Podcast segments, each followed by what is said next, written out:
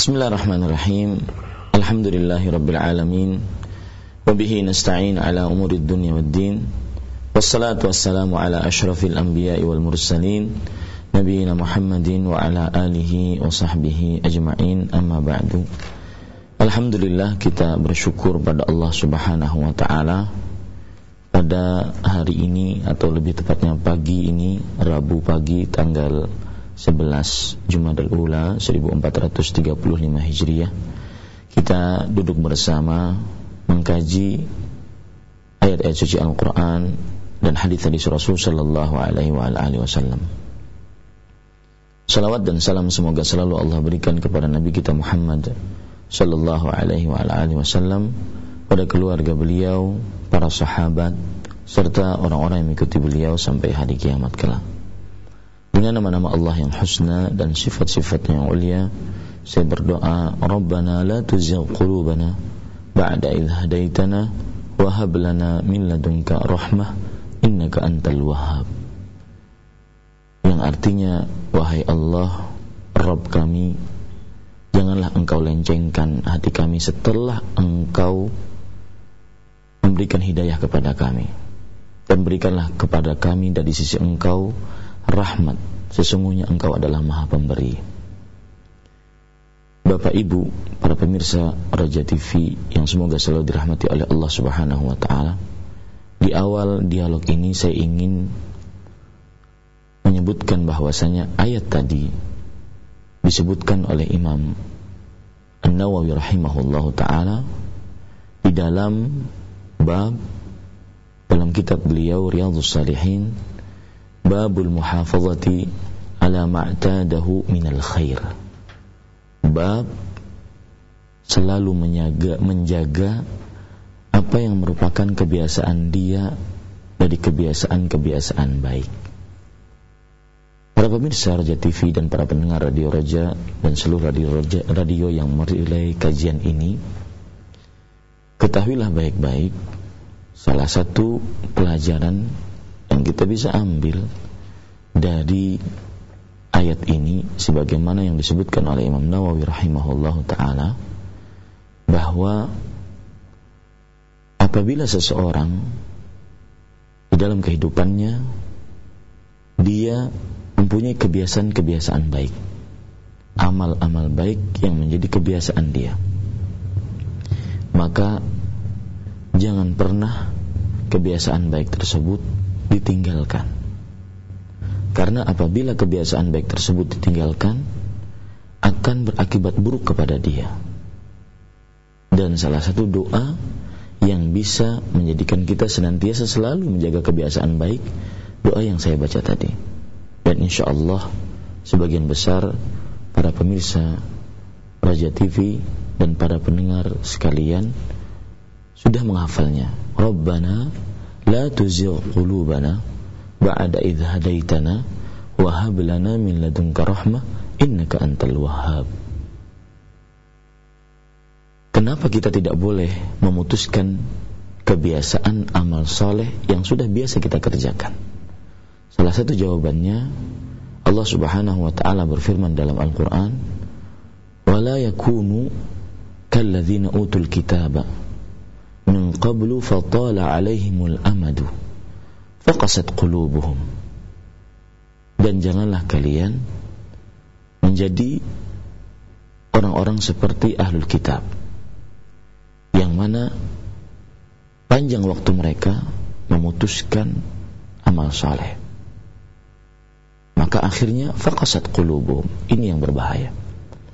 Ketika amal soleh yang sudah menjadi kebiasaan dia terputus maka hati bisa akan menjadi keras dan akibat buruk dari hati yang keras tidak mau menerima nasihat tidak menggubris apa yang dibacakan kepadanya ayat suci Al-Quran apa yang dibacakan kepadanya hadis dari Rasulullah SAW dan susah kembali untuk memulai kebiasaan-kebiasaan baik tersebut.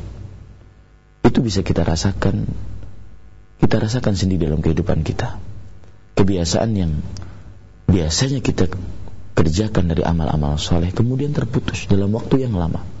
maka hati kita akan menjadi keras yang mana kekerasan hati tersebut akan mengakibatkan seseorang susah untuk bangun misalkan kebiasaan dia sholat tepat pada waktunya tetapi karena satu dan lain hal dari niaga dia akhirnya dia membiasakan untuk terlambat sholat bahkan untuk mengerjakan sholat tidak pada waktunya ini menyebabkan akhirnya seseorang untuk bangun kembali membiasakan sholat tepat pada waktunya sulit. Maka hati-hati. Jangan biasa, jangan putuskan kebiasaan beramal saleh. Kemudian Allah di akhir ayat mengatakan wa katsirun minhum fasiqun. Dan kebanyakan dari mereka adalah orang-orang yang fasik. Kebanyakan dari mereka adalah orang-orang yang fasik. Artinya, apabila ada orang yang meninggalkan kebiasaan-kebiasaan baik dia, salah satu sebab uh, akibat buruk yang dia dapatkan adalah menjadi orang yang fasik suka melakukan perbuatan dosa dan dosa tersebut dia perlihatkan dosa tersebut selalu dia kerjakan ini bahayanya ini sebagai mukaddimah para pendengar dan para pemirsa Raja TV yang semoga selalu dirahmati oleh Allah Subhanahu wa taala. Adapun yang berkaitan dengan sihir yaitu sihir itu diambil dari kata sin, ha dan ro. Nah, ya, sin, ha dan ro. Sin, ha dan ro itu sebagian ulama di antaranya Al-Asfahani di dalam kitab beliau Gharibul Quran. Ya, kemudian juga uh, Al-Jauhari menyebutkan sebuah kata hmm. yang apabila diambilkan dari huruf sin, ha dan ro, maka itu maknanya adalah ada beberapa makna. Yang pertama trik licik untuk menipu atau muwih bil hiyal. Ya, trik licik untuk menipu. Yang kedua al-khafa, hmm. sesuatu yang tersembunyi. Yang ketiga al-latafah, sesuatu yang lembut, sesuatu yang halus. Nah, tiga makna ini diambilkan dari kata eh, sihir diambilkan dari kata sin, ha dan ra. Hmm yaitu trik licik untuk menipu hmm. kemudian sesuatu uh, tersembunyi sesuatu yang tersembunyi kemudian sesuatu yang halus dan lembut nah kalau seandainya kita berbicara tentang apa itu sihir hmm.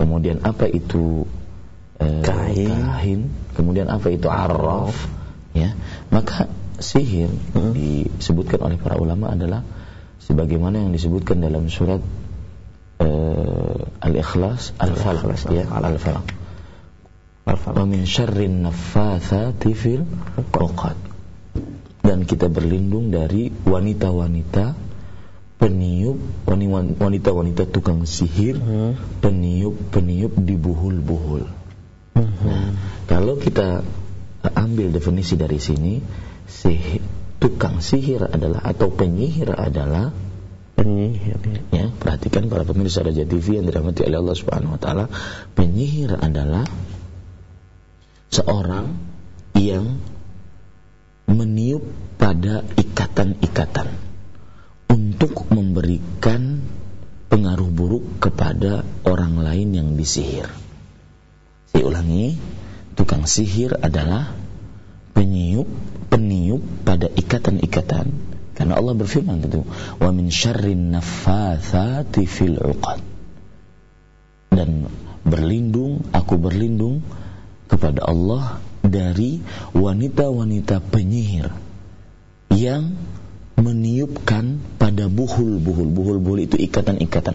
Nanti kita punya contohnya ya, para pemirsa Raja TV dan juga para pendengar radio Raja, mungkin yang menyaksikan televisi Raja TV nanti akan melihat contohnya. Nah, Bapak Ibu saudara-saudari yang dimuliakan oleh Allah Subhanahu wa taala sekali lagi, penyihir adalah seorang yang meniup pada buhul-buhul untuk memberikan pengaruh buruk. Nah, ini perlu diketahui ya. Pengaruh buruk pada sihir itu benar adanya. Ya, nanti kita bahas itu. Benar adanya. Nah, kemudian di sana ada istilah lain, yaitu yang disebut dengan arraf, ya. Yang disebut dengan arraf. Apa itu arraf? Perhatikan baik-baik yang dijelaskan oleh uh, Imam Al-Baghawi dalam kitab beliau Syarh Sunnah. العراف فهو يدعي معرفة الأمور بمقدمات أسباب يستدل بها على مواقعها. كالمسروق من الذي سرقه؟ ومعرفة مكان الضالة. وعندما تتهم المرأة بالزنا فيقول من صاحبها؟ ونحو ذلك من الأمور. ومنهم من يسمى المنجم. Al-munajjimu kahinan. Artinya arraf adalah seseorang yang mengaku mengetahui akan hal gaib ya mengetahui akan hal gaib untuk perkara-perkara yang telah terjadi. Perkara-perkara yang telah terjadi. Seperti barang yang hilang siapa yang mencurinya motor kah hilang, mobil kah hilang, mungkin istri hilang. Siapa yang mencurinya? Kemudian atau mengetahui ya e, sese seorang istri yang dia menyeleweng dengan lelaki lain atau sebaliknya seorang suami yang menyeleweng dengan wanita idaman lain maka siapa yang berzina dengan si istri atau si suami tersebut biasa di kita disebut dengan tukang ramal. Tapi tukang ramal untuk orang-orang yang eh, untuk perkara-perkara yang telah lalu, yang terjadi sudah lalu, yaitu untuk sesuatu yang sudah terjadi. Di sana ada istilah yang ketiga, yaitu yang disebut dengan kahin. Kahin sebagaimana disebutkan oleh Imam Baghawi dalam kitab beliau Syarah Sunnah huwa alladhi yukhbiru anil kawain fi, mus, fi mustaqbiliz zaman. Dia adalah seorang yang mengetah, mengaku mengetahui akan hal gaib tentang keadaan-keadaan yang telah lalu. Ya eh afan yang akan datang malahan. Akan datang. Ya, bukan bukan yang telah lalu tadi araf, yang masa akan depan datang. Ya, yang masa depan misalkan antum ingin nikah. Mm -hmm. Ya, nikah lagi kan sudah nikah. Betul, Ustaz. Nikah lagi. Mm. Kira-kira perempuan yang saya ingin nikah itu cocok nggak untuk saya? Mm -hmm. Atau misalkan antum lahirnya tanggal 13 Agustus, mm -hmm. kemudian uh, perempuannya tanggal 10 bulan Oktober misalkan. Mm kira-kira cocok enggak mm -mm. ya kita mengadakan pernikahan bulan Agustus mm -mm. Nah, bahkan para pemirsa uh, radio Raja dan juga Raja TV yang dirahmati oleh Allah Subhanahu wa taala uh, kadang saya diberitahu sebagian orang kadang orang mau beli motor second misalkan atau mobil bekas misalkan dia nanya itu nomor resi mesinnya itu, yeah. nomor mesinnya. Oh, mesinnya. Ditanyakan kepada kahin ini, mm -hmm. yaitu seorang yang mengaku mengetahui akan hal gaib yang akan datang. Kira-kira saya kalau beli mobil ini baik nggak untuk saya? Hoki nggak sih? Ya hoki nah, nah gitu. Nah, kalau misalkan contoh yang lain ini arra, ini kahin ya. Yeah. Kahin itu orang yang mengaku mengetahui akan hal gaib yang akan datang. Hmm. Misalkan kita mau bangun rumah, kira-kira bangun rumah untuk uh, apa namanya menancapkan tiang pertama bulan Maulid cocok nggak? Tuh. Ya. Kemudian untuk uh, misalkan kita mau beli ruko mm-hmm. ya rukonya itu di pojokan sate misalkan mm-hmm. kalau saya beli itu kira-kira cocok nggak yeah. nah perlu diperhatikan para pemirsa Raja TV dan Radio Raja dan seluruh radio yang merilai kajian ini perlu diperhatikan baik-baik bahwasanya yang namanya sahir, tukang sihir, penyihir, araf atau kain ini tidak terbatas kepada yang dikenal sebagai dukun saja di tengah masyarakat atau tukang ramal. Apa pun profesinya di masyarakat, apa pun gelarnya di masyarakat. Apakah dia seorang ustaz, apakah dia seorang kiai, seorang habib, seorang ki ageng, tuan guru, kalau profesinya seperti ini, kalau dia penyihir yaitu suka meniup di buhul-buhul, untuk memberikan pengaruh baik atau pengaruh buruk kepada orang lain. Atau kalau dia profesinya araf kalau ditanya tentang perkara-perkara yang hilang dia menjawab mengaku mengetahui akan hal gaib yang telah lalu. Kalau profesinya kahin mengaku mengetahui akan hal gaib yang akan datang maka sudah dia disebut sahirkah arrafkah kahinkah. Tidak peduli apa profesinya di masyarakat nah ini perlu diperhatikan ya akhi mhm. kadang-kadang kita di masyarakat uh, kalau itu kepada ustadz atau kiai hmm. kita boleh nanya yang kayak kayak gitu ya, ya, ya, disebut ya, ilmu putih ilmu putih ya hmm. uh, kemudian kalau kepada dukun beneran misalkan matanya picok hmm. kemudian giginya ompong kemudian rambutnya kriwil panjang ya, ya. ya kemudian di depannya kemenyan maka ini nggak boleh katanya nggak ada hmm. tidak ada perbedaan sama hmm. saja kalau seandainya mengetahui akan hal gaib, hmm. mengaku mengetahui akan hal gaib, maka hmm. ini tidak diperbolehkan dalam Islam. Hmm. hmm, hmm. Nah, ini. Bahkan ini Ustaz, fenomena yang sekarang terjadi itu hmm. makin marak saja ustaz-ustaz yang mengaku bisa untuk meloloskan seseorang untuk menjadi pejabat sebagainya dengan doa-doa dia. Ya. Tampaknya seperti seorang ustaz, kemudian ya. juga bisa menyembuhkan dengan cara segala macam. Nah, ini dia. Kadang-kadang kita harus perhatikan ya hmm. bahwasanya jangan tertipu dengan gelar ustaz, dengan gelar hmm. kiai atau dengan penampilan. Hmm. Penampilan mungkin pakai surban. Hmm. Yeah Sorban kadang-kadang lebar sekali seperti mm -hmm. perahu kadang-kadang mm -hmm. Penampilan dengan jubah mm -hmm. ya penampilan dengan tasbih ataupun penampilan dengan dengan apa uh, misalkan bekas sujud di dahinya, hmm. jenggot, jangan, jangan tertipu. Yang penting apa hakikat yang dia kerjakan? Yeah. Iya. Apakah dia termasuk meniup di buhul-buhul, mm -hmm. ya, mm -hmm. atau sering membuat raja-raja? Nanti saya akan contohkan yeah. kepada yeah. para pemirsa Raja TV dan juga Radio Raja. Uh, ada raja-raja, misalkan suka nulis-nulis di punggung yeah, yeah, sebagai raja-raja, hmm. atau nulis pada telur-telur, atau hmm. nulis pada kertas-kertas, nanti disuruh disimpan. Yeah. Ini semua adalah sahir. Hmm. Yang kayak begini adalah sihir. Sihir ya? ya? Dan tidak ada seperti yang saya katakan tadi, tidak ada dalam Islam itu yang namanya ilmu putih, ilmu hitam. Kalau seandainya dia ilmu yang berdasarkan Al-Qur'an dan Sunnah, maka ya dia adalah ilmu yang benar. Kalau seandainya bukan berdasarkan Al-Quran dan Sunnah, maka dia ilmu yang tidak benar. Ya, ini poin penting bagi masyarakat kaum muslimin terutama saat ya, agar tidak terjebak dengan hal-hal yang semacam ini. Yeah. Dan berikutnya Ustaz, kita juga mengetahui bahwasanya ada sebagian orang yang dia sakit, tatkala dibawa ke rumah sakit ternyata tidak ada penyakitnya. Yeah. Nah, apakah ini bukti dari adanya sihir Ustaz? Oh iya, perhatikan ya para pemirsa Raja TV dan Radio Raja dan seluruh radio yang merelai kajian ini hmm. bahwa uh, para ulama kebanyakan ulama, jumhur ulama, hmm. mereka bersepakat bahwa memang sihir itu lahu ta'thir. Sihir itu memberikan pengaruh buruk dan pengaruh buruknya asli, ada.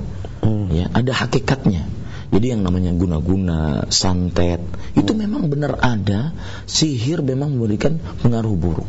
Kenapa kita penting, bahkan ini perkara penting ya. Yeah. Kenapa kita penting untuk menekankan ini? Karena sebagian orang tidak percaya, percaya bahwasanya sihir itu benar adanya terutama kamu akademisi. Iya kadang-kadang yang hanya berpikir dengan rasionya iya. logikanya. Oh ini karena mungkin uratnya kejepit hmm. atau mungkin karena ada uh, psikologisnya tidak ku, iya. tidak bagus dan semacam semacamnya. Sebenarnya tidak ya. Sihir ada hakikatnya. Apa dalil-dalil yang menunjukkan sihir ada hakikatnya? Allah Subhanahu wa taala berfirman di dalam Al-Qur'an surat Al-Baqarah ayat 102 dan ayat ini agak panjang ya. Ayat ini agak panjang Allah Subhanahu wa taala berfirman wattaba'u ma tatlu syayatin ala mulki Sulaiman wa ma kafara Sulaiman walakinna syayatin kafaru yu'allimuna an-nasa as-sihra wa ma unzila 'ala al-malakaini bi Babil Harut wa Marut wa ma yu'allimani min ahadin hatta yaqula innama nahnu fitnatun fala takfur fayata'allamuna minhuma ma yufarriquna bihi bainal mar'i wa zawjihi lihat uh, Allah Subhanahu wa taala saya tidak menerjemahkan ayat ini tetapi maksud ayat ini adalah Allah Subhanahu wa taala menurunkan dua malaikat ya yang disebut dengan Harut dan Marut sebagai ujian bagi manusia yang mana malaikat ini akan mengajarkan sihir. Mereka sudah mengatakan Innama nahnu fitnah, fala takfur. Kalian ini adalah ujian bagi kalian. Maka jangan kalian kufur terhadap Allah Subhanahu wa taala. Maka akhirnya pun manusia tetap belajar sihir kepada mereka berdua. Fayata'allamuna minhuma ma yufarriquna bihi bainal mar'i wa. Lihat, mereka manusia belajar dari dua malaikat ini sihir yang memisahkan antara seseorang dengan istrinya. Imam Ash-Shawqani rahimahullah taala mengatakan pada ayat ini sebagaimana disebutkan dalam tafsir Fathul Qadir beliau mengatakan fi isnadit tafriq ila saharati wa ja'ala sihra sababan dzalika lidzalika dalilun ala anna lis-sihri ta'thiran fil qulub bil hubbi wal bughdi wal jam'i wal furqah wal qurbi wal bu'di Kata Imam Nukathir, eh, Imam Ash-Shawqani rahimahullah taala eh, sebab terpisahnya seorang suami dengan istrinya adalah sihir dan menjadikan sihir adalah penyebabnya ini merupakan bukti bahwasanya sihir mempunyai pengaruh pada hati berupa rasa cinta, rasa benci, rasa ingin berkumpul, rasa ingin berpisah, rasa ingin dekat, rasa ingin jauh. Ini menunjukkan bahwasanya ya semua sihir akan memberikan pengaruh yang buruk kepada orang yang disihirnya. Jadi sihir itu memang benar adanya. Ya, ini Bapak Ibu. Contoh yang lain, dalil, dalil yang lain maksud saya bahwasanya sihir memang ada pengaruh buruknya. Ya guna-guna santet apalagi itu pelet, pelet ya. itu memang iya benar ada pe pengaruh buruknya. Coba perhatikan Imam Ibnu Ibnu Qudama dalam kitab beliau Al-Mughni ketika beliau mengomentari firman Allah Subhanahu wa taala qul a'udzu birabbil falaq min syarri ma khalaq wa min syarri ghasiqin idza waqab wa min syarri naffatsati fil 'uqad. Katakan wahai Muhammad aku berlindung dengan Rabb al-falaq. Ya. Da, berlindung dari apa? Salah satunya wa min syarrin naffatsati fil uqad. Dari keburukan wanita-wanita tukang sihir yang meniup di buhul-buhul. Kata Imam Ibnu Qudamah rahimahullah, "Walaula anna sihra lahu haqiqah lama amara Allah bil isti'adzati minhu." Kalau seandainya sihir tidak mempunyai pengaruh yang buruk, maka Allah tidak akan memerintahkan kita untuk meminta perlindungan darinya yang meminta perlindungan dari keburukan sihir tersebut ya. Belum lagi nanti kita banyak sekali uh, ayat-ayat uh, yang berkenaan dengan sihir di antaranya surat Al-A'raf ayat 116 Allah Subhanahu wa taala berfirman falamma alqau saharu a'yunan nas wastarhabuhum wa ja'u bisihrin azim.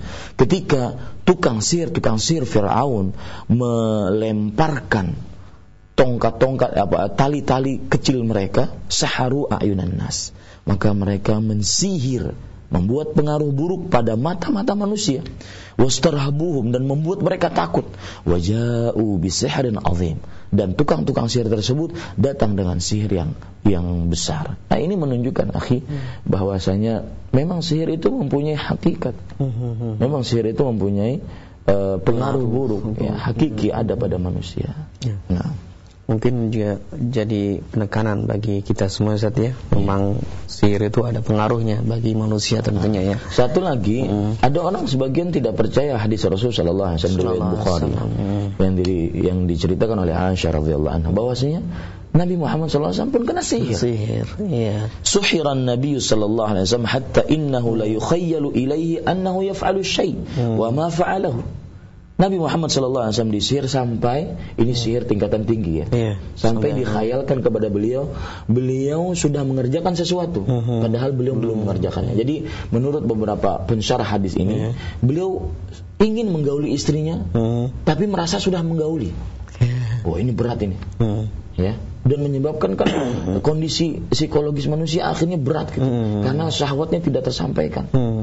Padahal beliau belum menggaulinya, belum menggaulinya, tetapi beliau uh, menganggap sudah menggaulinya. Nah, ini termasuk dalil yang sangat jelas bahwasanya sihir itu mempunyai hakikat, ada pengaruh buruknya. Hmm.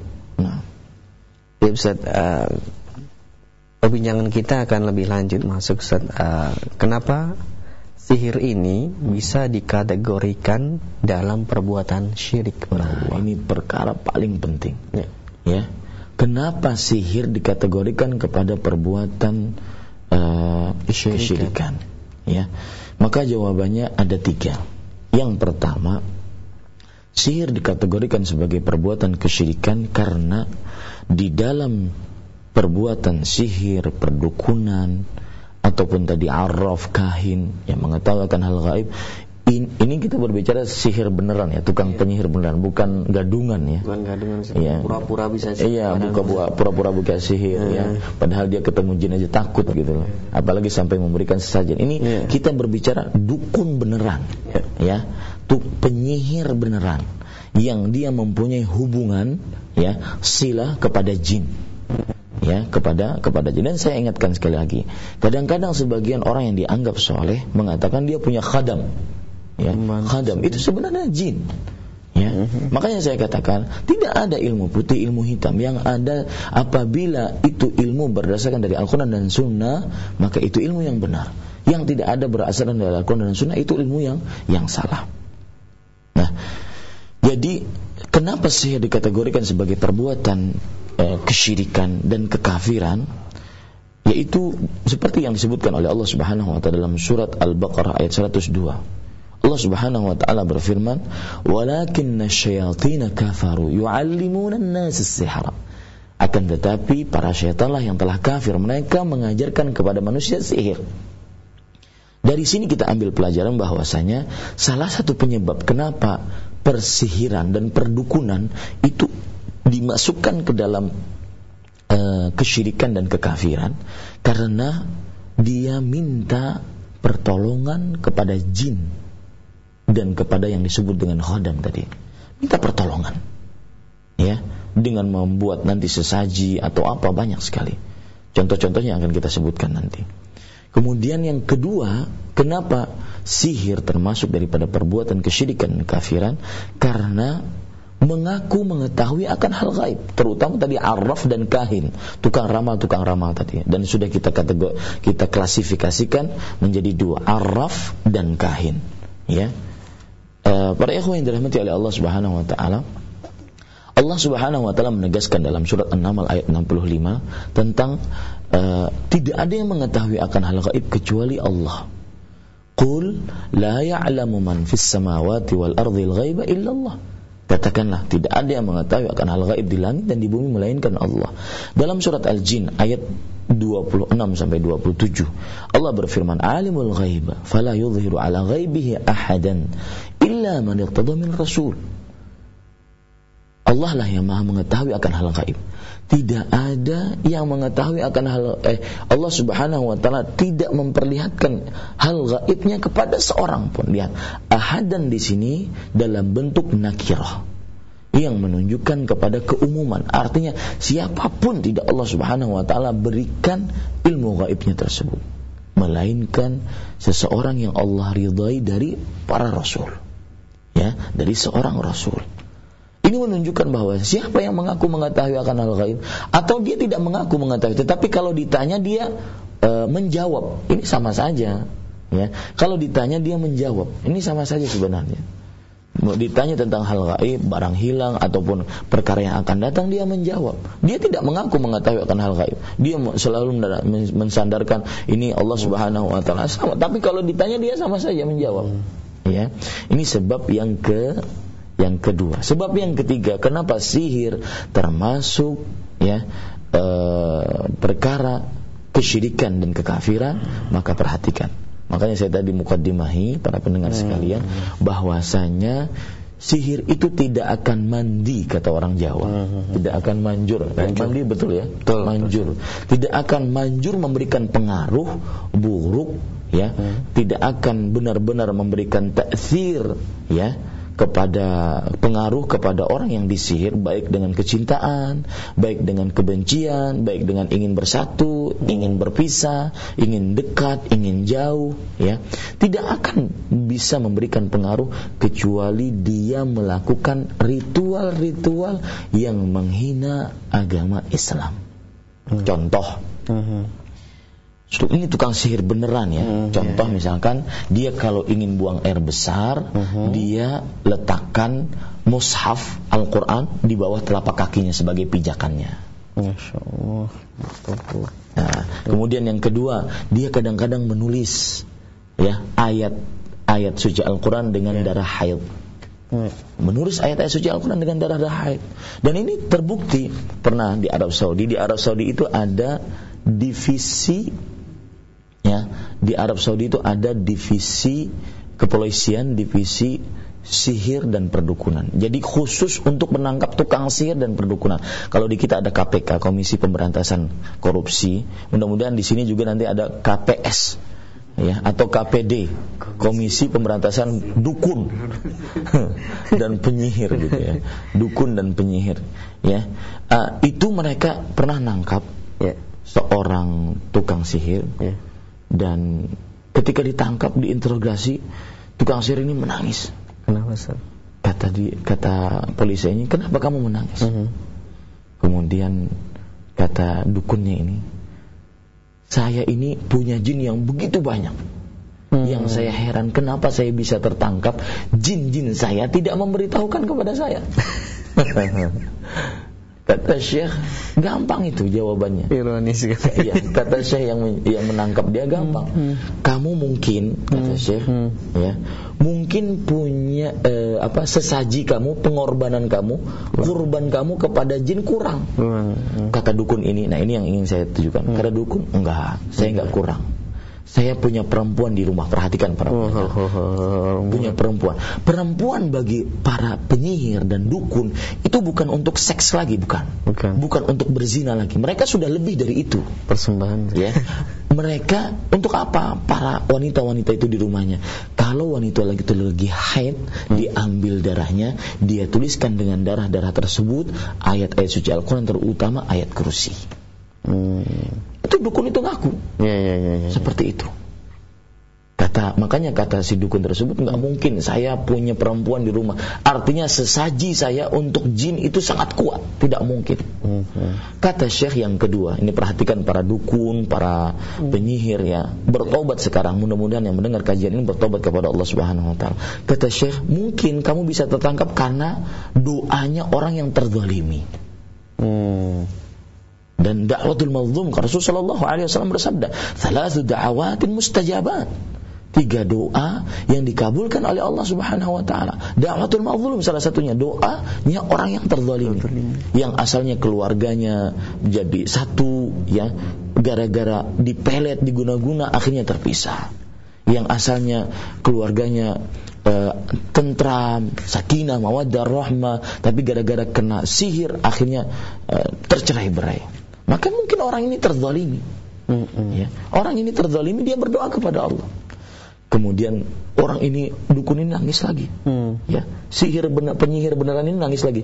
Yang ketiga, kami bisa menangkap kepada kata si dukun ini kepada polisi itu dan eh, polisi itu namanya Syekh Adil masih hidup beliau dan masih sebagai ketua polisi penangkapan sihir dan penyihir dan dukun. Ya. Beliau mengatakan bahwasanya dukun itu mengatakan saya bisa beritahu kalian di mana sihir penyihir-penyihir yang ada biar kalian bisa tangkap. Hmm. Kata Syekh Adil ini, "Eh, kami tidak perlu engkau. Dan ini salah satu kenapa kami bisa menangkap engkau. apa bacaannya? Ya, Ustaz. Sebagaimana yang kita bicarakan pada hari apa itu pagi-pagi, Iya. penjagaan diri. Jangan ini. Orang ketika keluar rumah, dia membaca doa, Bismillah, tawakkaltu ala Allah, wa la hawla wa la quwata illa billah. Bukankah Rasulullah SAW di situ mengatakan, faqad hudita, wa kufita, wa wuqita. Kamu akan diberikan petunjuk. Hmm. Diberikan petunjuk untuk nangkap itu. Mhm. Dan subhanallah, ini dukun ternyata dia ditangkap di masjid. Masya Allah. Iya, Iya. ternyata dia ahli zikir, tapi Zikir. di belakangnya sebagaimana hadis Rasul sallallahu alaihi wasallam, Hmm. idzan idza khalahu bimaharimillah intahakuha. Hmm. Jika dia sendirian dengan hal-hal yang diharamkan oleh Allah, dia melanggar hal-hal tersebut. Nah, ini jangan terkecoh dengan penampilan ya, Hmm. dengan surban, dengan tasbih, dengan eh, ucapan-ucapan subhanallah di hadapan orang banyak, tapi sebenarnya dia di belakang melakukan ritual-ritual, minta kepada jin, ya, menyembelih untuk ke- kepada selain Allah Subhanahu wa taala. Nah, seperti itu. Mhm. Ya, Ustaz. Nah ini ini contoh-contoh kenapa akhirnya sihir dimasukkan ke dalam perbuatan kesyirikan dan kekafiran. Mereka ada lagi yang sholat tanpa berwudu, ya. Langsung sholat itu. langsung sholat. sengaja itu mereka lakukan. Jadi Allah kan memerintahkan sholat itu harus berwudu. Ya. Ya. Dalam Al-Quran disebutkan dalam surah Al-Maidah. Kemudian Rasul Sallallahu Alaihi Wasallam bersabda, La salat bi ghairi tuhur. Tidak sah sholat seseorang tanpa tanpa berwudu. Ya. Nah, orang ini sengaja melanggar itu. Nah, inilah makanya kenapa dia dimasukkan ke dalam kategori kesyirikan dan kekafiran. Karena dia sengaja melanggar hal-hal yang diagungkan oleh Allah Subhanahu wa taala. Menulis surat-surat Al-Fatihah, misalkan ayat-ayat suci Al-Qur'an, bismillahirrahmanirrahim terbalik, ya. Bukan bismillahnya dulu di depan, tetapi uh, Ar-Rahmanir-Rahim eh, dibalik. Tulisannya pun dibalik. Ini penghinaan terhadap Al-Qur'an. Nah ini akhirnya yang menjadikan kategori sihir dikategorikan sebagai kesyirikan dan kekafiran. Demikian. Barakallahu fikum. Barak. Nah, tatkala kita udah mengetahui Ustaz kalau kesyirikan dan perdukunan ini merupakan perbuatan syirik kepada Allah Subhanahu wa taala. Ya. Nah, hukum mempelajari dan mendatangi kahin ini seperti apa Ustaz? Nah, Ustaz. perhatikan baik-baik Bapak Ibu saudara-saudari yang dimuliakan oleh Allah Subhanahu wa taala. Eh, kayaknya sebelum huk eh iya, betul. Tidak mengapa. Hukum mendatangi sahir, Ya. kahin, Kahin. araf tadi ya. Ya. Kita kita tidak menyebutkan dengan bahasa Indonesia karena eh, ini lebih lebih enak kita pahami. Sahir yaitu yang suka-suka ngasih raja-raja gitu ya. hmm. Di kertas nanti di- disimpan di dompet gitu ya. Ataupun suka ngasih cincin, Ya. suka ngasih saya pernah punya teman eh, beliau eh, pernah ingin mencalonkan menjadi bupati Ya. Dikasih rompi Rompi. rompi jas lah gitu ya di dalamnya itu raja-raja Hmm. itu sihir itu Hmm. ya itu sihir Rasulullah Shallallahu Alaihi Wasallam bersabda, "Man 'allaqa tamimatan faqad asyrak." Hadis riwayat Imam Ahmad. Barang siapa yang menggantungkan tamimah, tamimah itu jimat, ya, dan jimat berbagai macam bentuknya. Nanti kita akan contohkan ya, Hmm. kita akan contohkan bagaimana uh, tamimah tersebut ya. Yaitu tulisan-tulisan kadang-kadang tulisan Arab ya. Angka 3 4 5 kemudian nanti ada bulat-bulat. Di sini di tengahnya ada Nabi Muhammad sallallahu alaihi wasallam kemudian sampingnya ada uh, Abu Bakar As-Siddiq kemudian uh, uh, Umar bin Khattab kemudian kemudian ada sin sin sin kemudian shot shot shot ya ini ini sihir ini namanya tolasim ini namanya raja. Nah, eh, kita kita berbicara dengan bahasa eh, istilah yang disebut dalam hadis saja. Sihir, kemudian eh, arraf, kemudian kahin. Ya. Sihir, arraf, kahin. Lihat hukumnya, perhatikan para ikhwan yang dirahmati oleh Allah Subhanahu wa taala. Dalam hadis riwayat Imam Muslim, Rasul sallallahu alaihi wasallam pernah bersabda, "Man ata arrafan." Ya, man ata arrafan. Fasa'alahu lam tuqbal lahu salatun arba'ina lailah dalam riwayat lain arba'ina yauman barang siapa yang mendatangi arraf arraf tadi sudah kita kenal ya para pemirsa Raja TV dan para pendengar sekalian. Yaitu apa itu? Arraf itu orang yang mengaku mengetahui. akan hal gaib yang telah lalu. Hmm. ya barang hilang istri hilang anak hilang emas hilang perak hilang rumah hilang. Bisa nggak ya rumah hilang? Ya.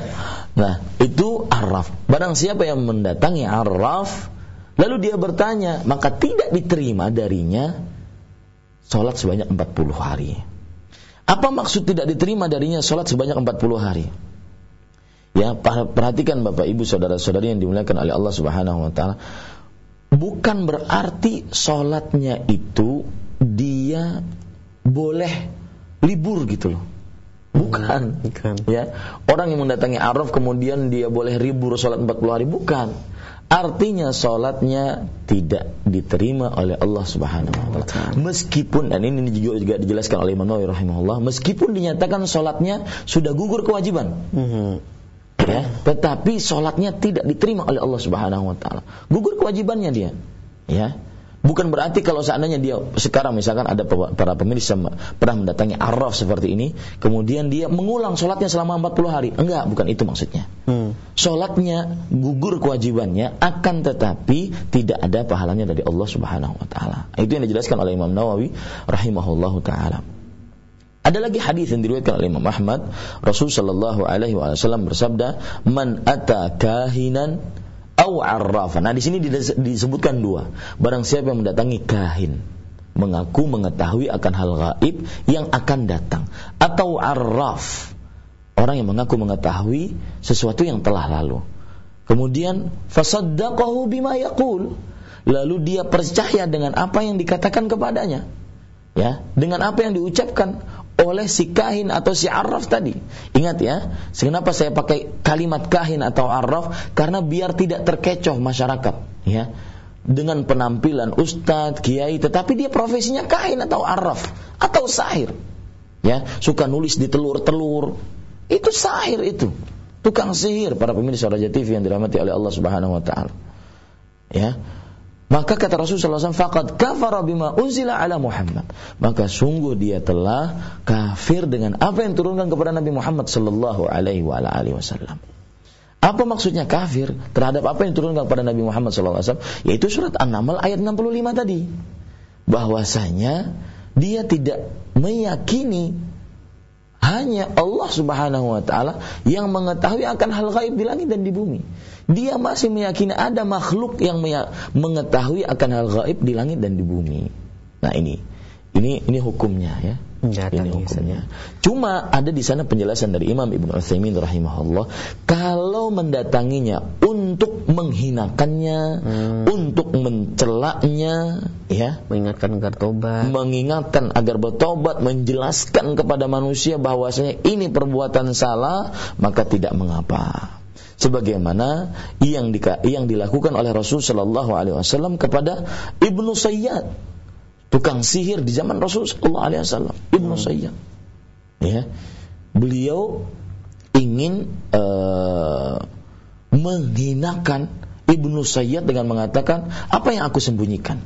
Ibnu Sayyid tidak bisa menjawab hanya bisa menjawab kalimat aduh padahal yang diinginkan oleh Rasulullah ketika beliau mendapatkan surat wahyu dari Allah Subhanahu wa taala yaitu surat Ad-Dukhan. Jadi alif dan nunnya dia dia tidak tahu aduh saja dia tahu. Nah, seperti itu. Ya, makanya kemudian dikatakan ikhsa'adu wallah. Buruklah, hinalah engkau musuh Allah Subhanahu wa taala. Nah, kalau seandainya mendatanginya untuk seperti ini, maka ini diperbolehkan. Hmm. Demikian, ya. Nah, kalau untuk mempelajari set Nah, hukum mempelajarinya perhatikan baik-baik ya.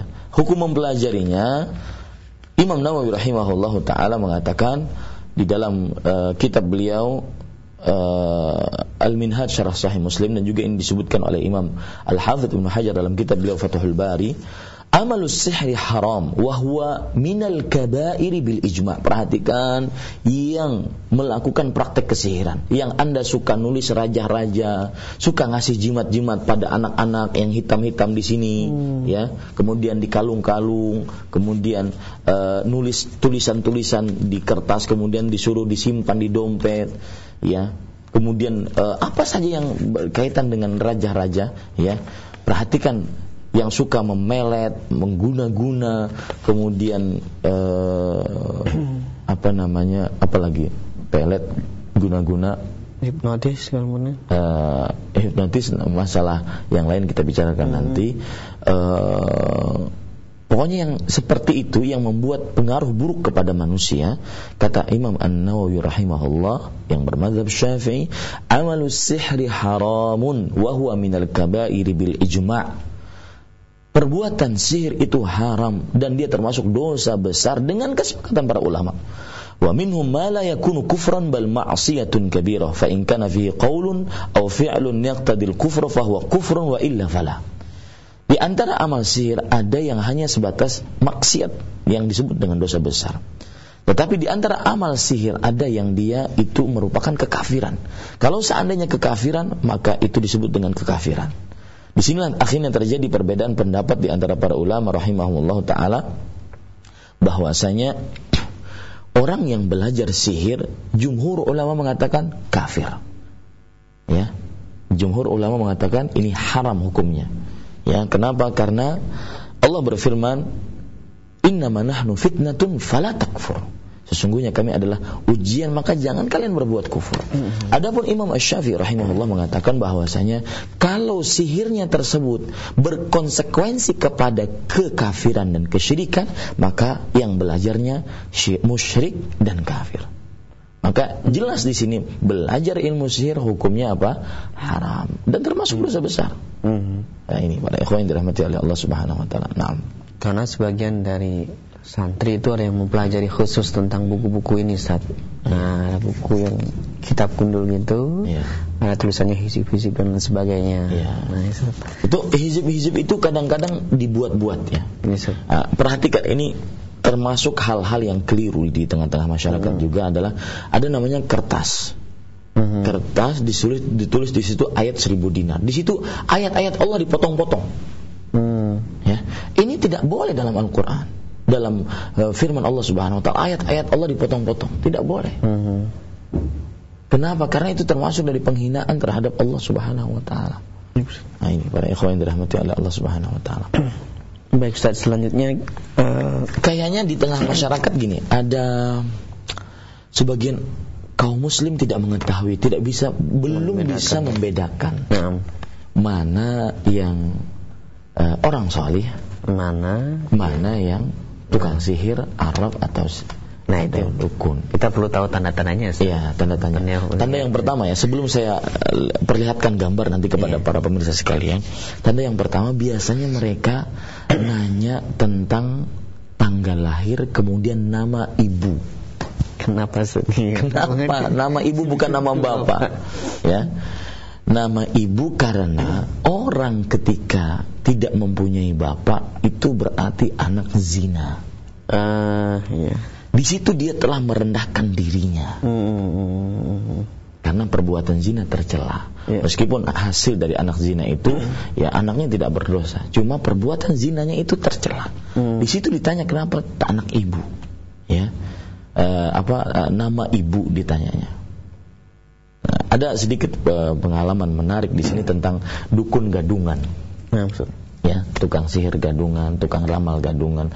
Apalagi di zaman yang super duper uh, mudah untuk mengakses informasi uh -huh. dan juga memberikan informasi ke orang lain. Di sana ada SMS, di sana ada telepon, di sana ada Facebook, di sana ada Twitter, yeah. di ya. sana ada Google Plus, apa saja. Mudah orang berinteraksi sosial.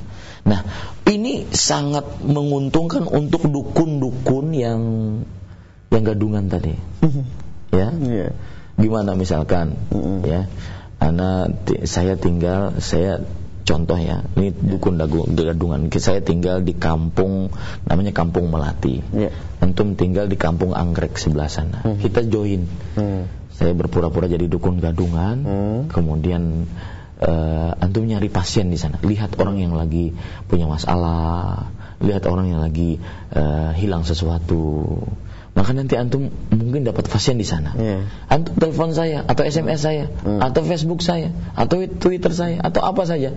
Ustadz nanti datang hari Senin yeah. dia orangnya seperti ini, namanya ini, yeah. namanya ibunya ini. ya. Informasi. Ya, informasi diberitahu ke saya. Informan tadi. Ya, informan. Antum jadi informan saya. Yeah. Akhirnya benar, hari Senin dia datang ke saya langsung dia mengatakan Assalamualaikum Waalaikumsalam warahmatullahi Saya bilang kepada orang tersebut Silahkan masuk Wahai si Fulan Wah beraksi mulai Anaknya si Fulan yeah. Orang ini langsung Wah saya nggak belum pernah kenalan sama Ustadz ini. Oh, iya, iya. Langsung tahu dia. Hmm. Ini dukun gadungan ini. Ya dukun gadungan. Yeah. Contoh yang lain Dukun yeah. gadungan yang lain. Dan ingat Dukun, tukang sihir, peramal Itu pasti ujung-ujungnya duit. Duit. Ya. Yeah dia tidak akan mau menolong uh, kaum muslim ya pasiennya. Itu uh, kalau ada bahasa pedagang itu eh, seorang pembeli yang masuk ke dalam toko haram untuk keluar kecuali harus beli barang dari saya. Nah ini pan, eh, sama dengan tukang sihir, dukun, kemudian eh, araf, kahin eh, dan sahir tadi sama itu. Ya, tidaklah orang masuk ke dalam rumah saya kecuali harus jadi pasien saya. Hmm. Meskipun dia sebenarnya tidak sakit dikatakan sakit. Nah, ini banyak terjadi. Ya benar. Ya, di, itu harus kita pahami kaum muslim yang dirahmati oleh Allah Subhanahu wa taala. Cara memahaminya tadi bahwasanya uh, saya berikan contoh yang lain ya. Kenapa saya berbicara itu tadi? Karena ini berkaitan dengan contoh. Dukun gadungan, tukang sihir gadungan itu seperti ini. Dia misalkan ada pasien. Uh, mas, saya tahu di mana uh, sepeda motor Mas yang hilang. Kita akan mencari tahu siapa Pelakunya. pelakunya, pencuri dari sepeda motor tersebut. Tapi harus ada sesuatu yang kita kerjakan sebagai sebuah syariat, Mas, atau sebagai sebuah syarat. Biasanya menyebut-nyebut seperti itu, syarat atau syariat, ya. Dia tidak mau disebut ritual karena bahasa ritual itu bahasa yang eh, aneh gitu. Iya. Maka akhirnya sang mas ini menanya, apa ritualnya Ustadz? Mbah, ya. Ritualnya begini mas.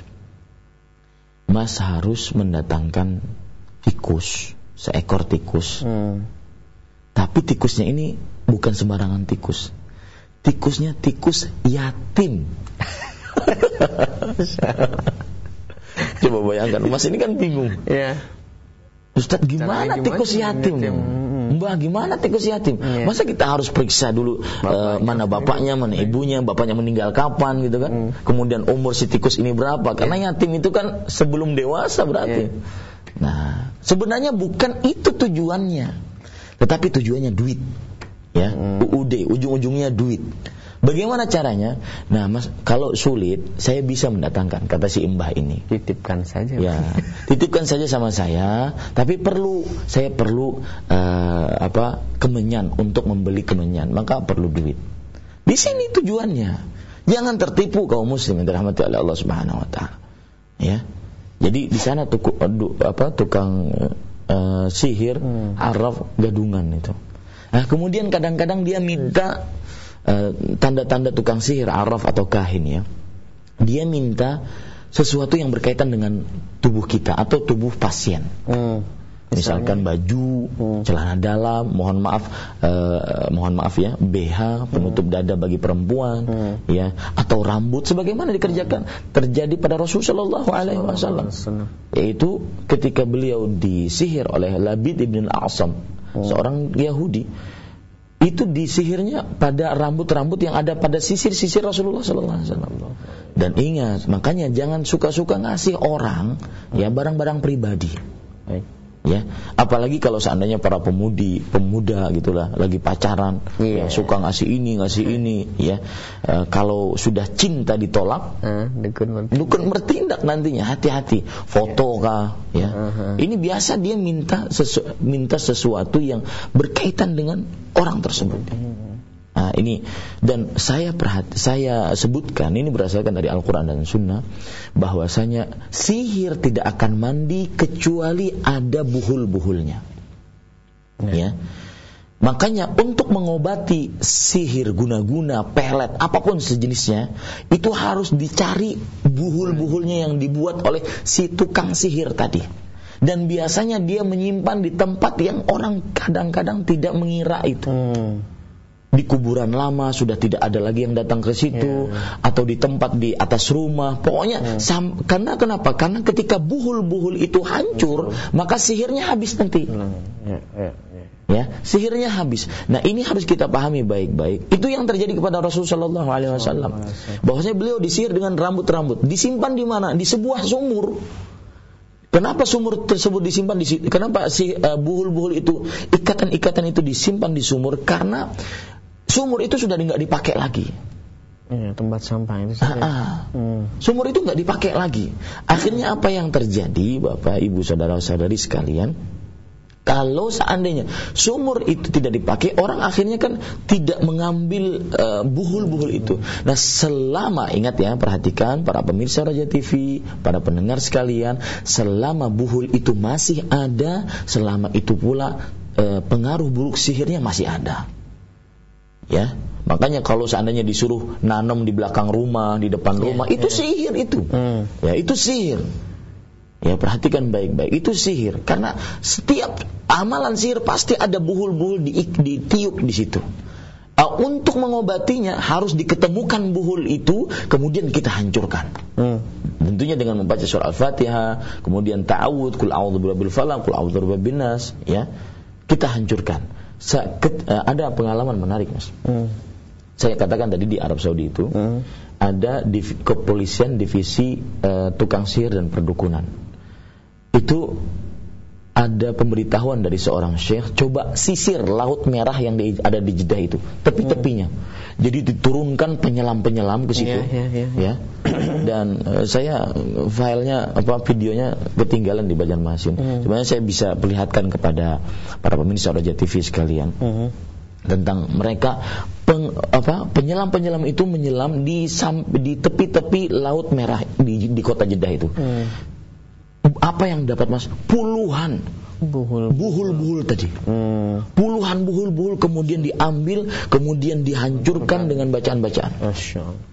Setelah itu kejadian, puluhan keluarga nelfon kepada divisi kepolisian tukang uh, Pak sihir, divisi sihir dan perdukunan ini, bahwasanya alhamdulillah keluarga sembuh. kami sudah sembuh. sembuh, Subhanallah. Dan subhanallah, uh, saya uh, ketika kerja di Arab Saudi di Islamic Center Damam, banyak sekali majikan-majikan yang bawa uh, apa namanya rambut-rambut yang sudah dikumpul-kumpul begitu. Hmm ya dan dijadikan buhul-buhul itu harus dihancurkan mas hmm. harus dihancurkan kemudian dibuka hmm. rambut sekecil itu diikat-ikat hmm. Tetapi subhanallah dengan izin Allah subhanahu wa taala ya, ya. rambut-rambut yang kecil-kecil tersebut dibacakan al-fatihah dibacakan kul a'udzu falaq kul mudah dia terberai gitu. nah itu harus dihancurkan kalau tidak pengaruh sihirnya masih ada baik hmm ini Bapak Ibu saudara-saudari yang dimuliakan oleh Allah Subhanahu wa taala. Hmm. Itu termasuk daripada tanda tukang tukang iya. sihir. Termasuk tanda tukang sihir seperti uh, coba sekarang kita perlihatkan aja deh ya. Kita contohkan uh, gambar-gambarnya. Coba contoh ya, gambar silakan. Contohkan nah, ini contoh kepada para pemirsa Raja TV. Ini apa Ustaz yang ter, telah di uh, yang paling atas dulu ya. Paling atas dulu. Paling ya? atas. Paling atas pojok sebelah kanan. Sebelah kanan. Ya. Uh, ya, iya. Ya, ya, nah, ini perhatikan. Ini adalah kadang-kadang kertas-kertas yang ditulis-tulis raja, raja, ya. raja, raja-raja yang ditulis-tulis. Nah, di situ uh, apa namanya? Uh, kemudian disuruh menyimpan untuk kekebalan. Iya, untuk, untuk kekebalan, untuk penglaris, untuk uh, apa namanya? untuk uh, tertahan dari penyakit, penyakit. Yang di bawah itu adalah uh, sesuatu yang digantungkan, digantungkan pada motor, pada mobil. Hmm. Nah, itu di bawah itu. Biar selamat. Ya, biar selamat ya. ya. Coba yang lain lagi. Yang lain. Ya, silahkan. Nah ini seperti yang saya sebutkan tadi yang telur yang di raja-raja itu. Oh yang ya. sebelah kanan Nah, itu telur, itu raja-raja itu, hmm. itu sihir itu. Fungsinya ya? ini untuk mengobati atau apa biasanya? Nah, biasanya gini, uh, telur ini kan sebenarnya dihalalkan oleh Allah Subhanahu wa taala iya, untuk dimakan. Hmm. Eh malah mindahkan penyakit ke dalam. Oh, iya, iya. Ini sihir yang seperti ini. Hmm, hmm, ya. Mindahkan penyakit ke dalam. Ini sihir. Nah, nah, kemudian itu ada gembok, kemudian ada oh. apa namanya? Ada uh, apa namanya? Ada tulisan-tulisan. Nah, itu yang disebut raja, tulisan-tulisan. Nah, di bawah itu ya membaca baca tangan ramalan. Ramalan. Ini sangat sangat di garis tangan Iya, sangat di di, di apa? Disedihkan sekali, ironis sekali hmm. ya. Banyak acara-acara televisi-televisi, iya. tentunya di selain Roja TV ya. iya. ya. Ini ramalan-ramalan. Bahkan didatangkan tukang iya. ramalnya. Iya. Hokinya apa bulan ini hmm. tahun 2014 apa hokinya? Iya. Nah, itu dia ya yeah. melamar di tangan tak apa melamar hmm. salah meramal meramal oh, ya, bukan melamar meramal ya yeah. uh, di samping coba kita ke samping ke samping Ya, ya, kita akan tunjukkan gambar yang berikutnya. Nah, ini apa, ya. Perhatikan, ini Ini ini yang disebut tamaim. Tamaim. Ya, tamimah. Ya, tamimah. Ya, tamimah yang diambilkan dari rambut-rambut ataupun dari gelang-gelang, dari apa? benang-benang. Ini biasa di dipakai oleh anak-anak. Ah. Ini yang dimaksudkan oleh Rasul sallallahu alaihi wasallam, "Man 'allaqa tamimatan faqad asyrak." Ini yang gelang sebelah kanan saja yang untuk anak. Iya, untuk anak-anak. Barang siapa yang menggantungkan tamimah, maka dia telah berbuat kesyirikan. Hmm. Ya, ini seperti ini. Kalau sendal itu apa? Nah, kalau sendal di situ ada tamimahnya. Tip. Ya, Hmm. ada sesuatu yang dia yakini bahwasanya sendal seperti itu adalah mendatangkan eh, apa sih gunanya kalau kita kalau sebagian orang meletakkan tamimah ya Hmm. jimat untuk anak kecil untuknya eh, faedahnya apa? Hmm. Faedahnya itu adalah untuk agar si anak tersebut terjaga dari penyakit, Penyakit. ya, terjaga dari eh, mara bahaya, sakit panas, gangguan jin dan semisalnya. Ya. Di bawah coba lihatkan. Nah, ini yang saya katakan tadi. Ini rompi-rompi ataupun baju-baju yang sudah ada tolasimnya. Yang Ya, tolasim. ada tolasimnya. Nah, seperti itu. Itu air air yang biasa eh, apa namanya? iya, jampi-jampi Iya. ya, dimasukkan apa begitu, dijampi-jampi dengan bacaan yang bukan sesuai dengan dari Al-Qur'an dan Sunnah Rasul sallallahu alaihi wasallam. Di samping yang paling bawah itu para pemirsa Iya. Raja TV yang dirahmati oleh Allah, ya. Itu yang saya sebutkan tadi darah haid yang dituliskan dengannya Mhm. eh, ayat-ayat kursi ataupun ayat-ayat suci Al-Qur'an dari firman-firman Allah Subhanahu Itu fungsinya untuk persembahan sebagai jin ya. Oh iya. Ya. Makanya kita kategorikan kita kita sebutkan bahwanya perbuatan sihir, kesyirikan ini termasuk dari apa namanya kesy- eh, kesyirikan. Kenapa? Karena dia melakukan hal-hal yang menghinakan simbol-simbol Islam. Iya. Nah, demikian. Ya, cukup insyaallah taala. Sudah cukup Ustaz? Ya. Baik, barakallahu fikum wa jazakallahu khairan Ustaz. Terima kasih telah memberikan faedah kepada kami pada kesempatan pagi hari ini dan sekaligus memberikan beberapa contoh tadi mengenai benda-benda yang termasuk dari perdukunan dan sihir. Ikhwatal Islam rahimani Allah wa iyyakum kini saatnya bagi Anda yang memiliki pertanyaan-pertanyaan seputar eh, sihir, kahin dan araf dapat bertanya langsung dengan Ustadz di 0218236543 atau melalui pesan singkat di 081317776543 atau di 0819896543. Nah, pertanyaan pertama Ustaz kami bacakan dulu dari pesan singkat dari saudara Sigit di Kuningan Jawa Barat Ustaz. Ya. Assalamualaikum Ustaz. Waalaikumsalam warahmatullahi Apa hukumnya membaca hizib-hizib seperti hizib istighfar, hizib ayat kursi dan lain-lain? Tolong diterangkan mengenai arti hizib Ustaz. Silakan.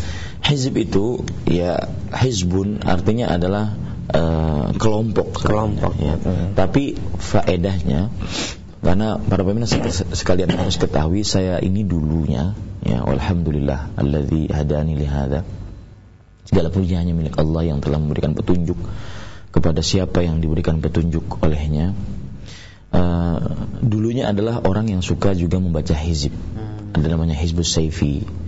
Ya hizib pedang ada namanya hizib eh, banyaklah hizib-hizib dibaca. Itu tujuannya adalah untuk menjaga diri. Nah kebanyakan hizib-hizib itu kebanyakan ayat-ayat suci Al-Quran. Tetapi kadang-kadang ayat sucinya diulang-ulang dibaca eh, kemudian eh, ada be- belum ada contohnya dari Rasul Shallallahu Alaihi Wasallam. Jadi kebanyakan hizib tersebut adalah sesuatu yang mengada-ngada dalam agama Islam. Belum ada contohnya dari Rasul Shallallahu Alaihi Wasallam dan apabila kita mengamalkan sesuatu kemudian kita eh, terus menerus amalkan tersebut kita lazimkan amalan tersebut dan belum ada contohnya dari Rasulullah SAW maka itu perkara yang mengada-ngada. Nah Wa jazakallahu khairan. Terima kasih atas jawaban dan nasihatnya. Ini berikut ada pertanyaan yang sangat menarik Ustaz. Dari seorang ibu di Kalimantan Timur. nah Nah, Assalamualaikum Ustaz. Waalaikumsalam Saya seorang ibu yang ingin menanyakan apakah tafsir mimpi termasuk perdukunan. Apakah ketika saya yang sering sekali bermimpi yang membahagiakan, membahagiakan hati, kemudian saya bangun dari tidur, kemudian mencari Ustaz melalui buku tafsir mimpi dan di internet Ustaz tentang tafsir tersebut. Apakah hal ini diperbolehkan atau tidak? Ya. Ustaz silakan. Eh, Bismillahirrahmanirrahim para pendengar sekalian dan para pemirsa Raja TV yang dirahmati oleh Allah Subhanahu wa taala bahwasanya ketahuilah bahwasanya tafsir mimpi sesuatu yang diperbolehkan dalam agama Islam asalkan tidak terlalu berlebihan dan asalkan uh, tidak mengaku-ngaku akan hal gaib. Ya tafsir mimpi tersebut sebagaimana yang terjadi pada uh, Nabi Yusuf alaihissalam ya. Beliau menafsirkan beberapa mimpi yang dimimpikan oleh dua orang yang masuk dalam penjara. Nah, kemudian uh, apa namanya dimimpikan oleh raja ya raja pada waktu itu. Nah, ini menunjukkan bahwasanya boleh uh, takwil mimpi atau tafsir mimpi dan para ulama mempunyai beberapa buku tentang takwil mimpi akan tetapi yang per, yang patut diperhatikan di sini bahwasanya Uh, seseorang tidak terlalu berlebihan dalam takwil mimpi ini dan tidak terlalu menyibukkan dirinya dengan takwil mimpi ini. Apabila dia mendapatkan mimpi yang baik, maka dia bersyukur pada Allah Subhanahu wa taala. Apabila dia mendapatkan mimpi yang buruk, maka dia hendaknya mendiamkan diri kepada mendiamkan diri tidak menceritakannya kepada orang lain. Kemudian minta kebaikan kepada Allah Subhanahu wa taala. Ada pengalaman menarik, Syekh Abdul Muhsin Al-Abbad taala al-muhaddits ahli hadis dari kota Madinah yang masih hidup sampai sekarang yang beliau senantiasa setiap harinya antara maghrib dan isya mengajarkan ilmu hadis. Beliau setiap kali ditanya tentang tiga hal beliau selalu menolak. Yang pertama yaitu tentang takbir mimpi tadi. Yang kedua tentang talak. Yang ketiga tentang warisan. Nikah talak ya ataupun rujuk. Yang ketiga yaitu tentang warisan Beliau selalu kalau ditanya tentang tabir mimpi, beliau mengatakan lastu mu'abbir ru'ya, is'al ghairi. Hmm. Aku bukan orang yang mentabir mimpi. Ya, tanya kepada selainku. Ya, kalau ditanya tentang rujuk talak atau ahli waris, beliau mengatakan raja'il mahkamah. Silahkan pergi ke pengadilan. Hmm. Adukan masalah ini ke pengadilan. Nah itu, Allah a'lam. Baik, saya terima kasih atas penjelasan dan nasihatnya. Berikut kami bacakan kembali pertanyaan masih dari pesan singkat Ustaz. Ini pertanyaan dari saudari Siti di Padang Sidimpuan. Sidampuan. Nah, Sidampuan Ustaz ya. ya. Nah, Assalamualaikum warahmatullahi wabarakatuh Ustaz. Nah, Ustaz tadi sudah jelaskan berbagai macam bentuk sihir dan ciri-ciri orang yang melakukan sihir. Hmm. Nah, bagaimana cara mengobati orang yang terkena sihir Ustaz? Nah, ini bagus. Ya. ya. Orang yang terkena sihir ya. Tapi sebelum itu saya tadi agak lupa sihir yeah. itu ada tiga macam ya. Belum kita bicarakan jenis sihir. Sihir itu ada sihir yang namanya sihir uh, khayalan, khayalan, ya. Ada namanya sihir uh, hakikat, hakikat, ada namanya sihir ketangkasan. Hmm. Sihir khayalan adalah jadi tukang sihir itu membuat mata kita menghayalkan yang lain. Baik, baik. Dan itu disebutkan di dalam surat Toha ayat 66 hmm. ketika kejadian antara tukang sihir Firaun dengan dengan Nabi Musa alaihissalam. Ini yeah. perkara menarik. Lihat ya, perhatikan dalam surat Al-A'raf Toha dari mulai ayat 65 sampai ayat ke-71. Itu tentang cerita tukang sihir Firaun dengan Nabi Musa. Uh, saya bacakan ayatnya. Qala bal alqu fa idza hibaluhum wa asiyuhum yukhayyalu ilaihi min sihnim annaha tas'a. Kemudian kata Nabi Musa silahkan kalian lemparkan si apa yang kalian miliki. Maka tongkat-tongkat mereka kemudian apa tali-tali mereka itu berubah menjadi ular-ular kecil dikhayalkan kepada Nabi Musa lihat sihir khayalan. Dikhayalkan kepada Nabi Musa dari, dari sihir mereka itu uh, benar-benar berjalan menuju Nabi Musa. Tongkat kecil kemudian uh, tali-tali kecil itu berjalan.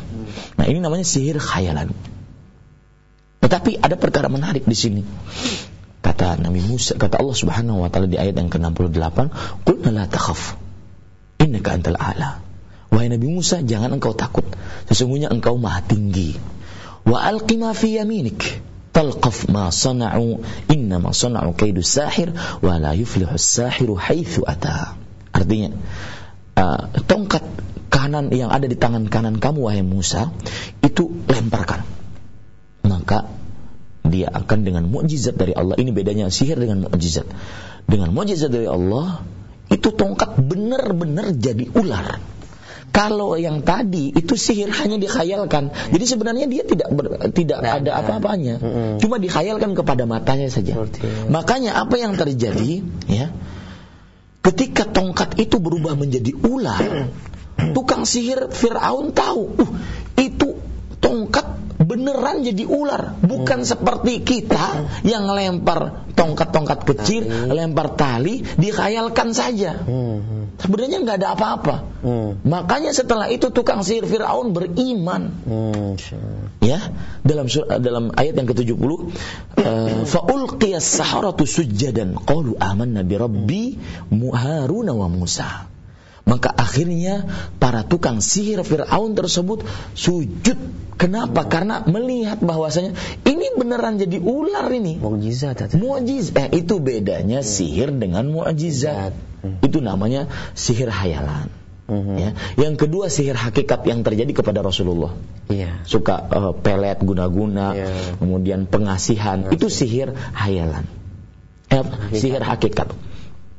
Yang ketiga sihir ketangkasan. Iya. Ya, sihir ketangkasan misalkan eh, dengan kecepatan tangan akhirnya ada Iya. eh, apa bunga atau ada apa. Ini termasuk sihir tapi tentunya beda dengan hukum yang nomor satu, nomor satu dan nomor dua tadi.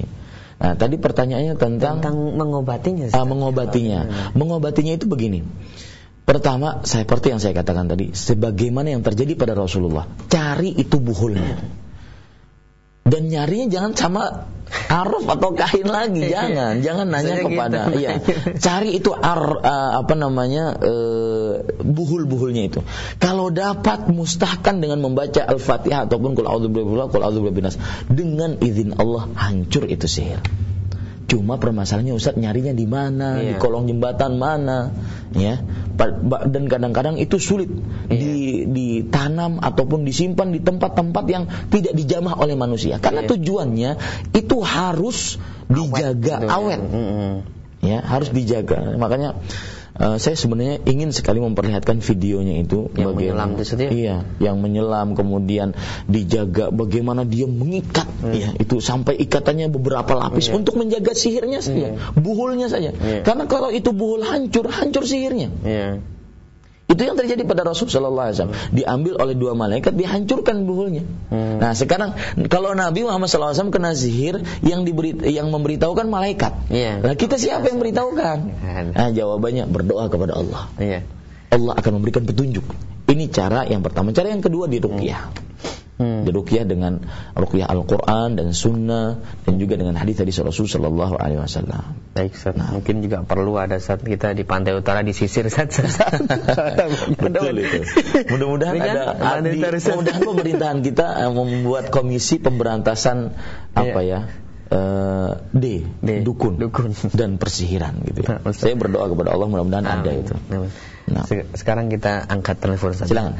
Dan selanjutnya Khawatul Islam bagi Anda yang ingin bertanya langsung silakan di 0218236543. Telepon pertama kami angkat. Halo. Halo, Assalamualaikum. Waalaikumsalam Waalaikumsalam warahmatullahi wabarakatuh. Dengan Bapak siapa di mana? Eh, Ishak di kisaran. Silakan Mbak Isa. Iya. Gini, Ustaz. Assalamualaikum, Ustaz. Waalaikumsalam warahmatullahi wabarakatuh. Silakan Pak Ishak. Kasusnya begini. Eh, ada orang yang sakit, perutnya besar, gitu kan.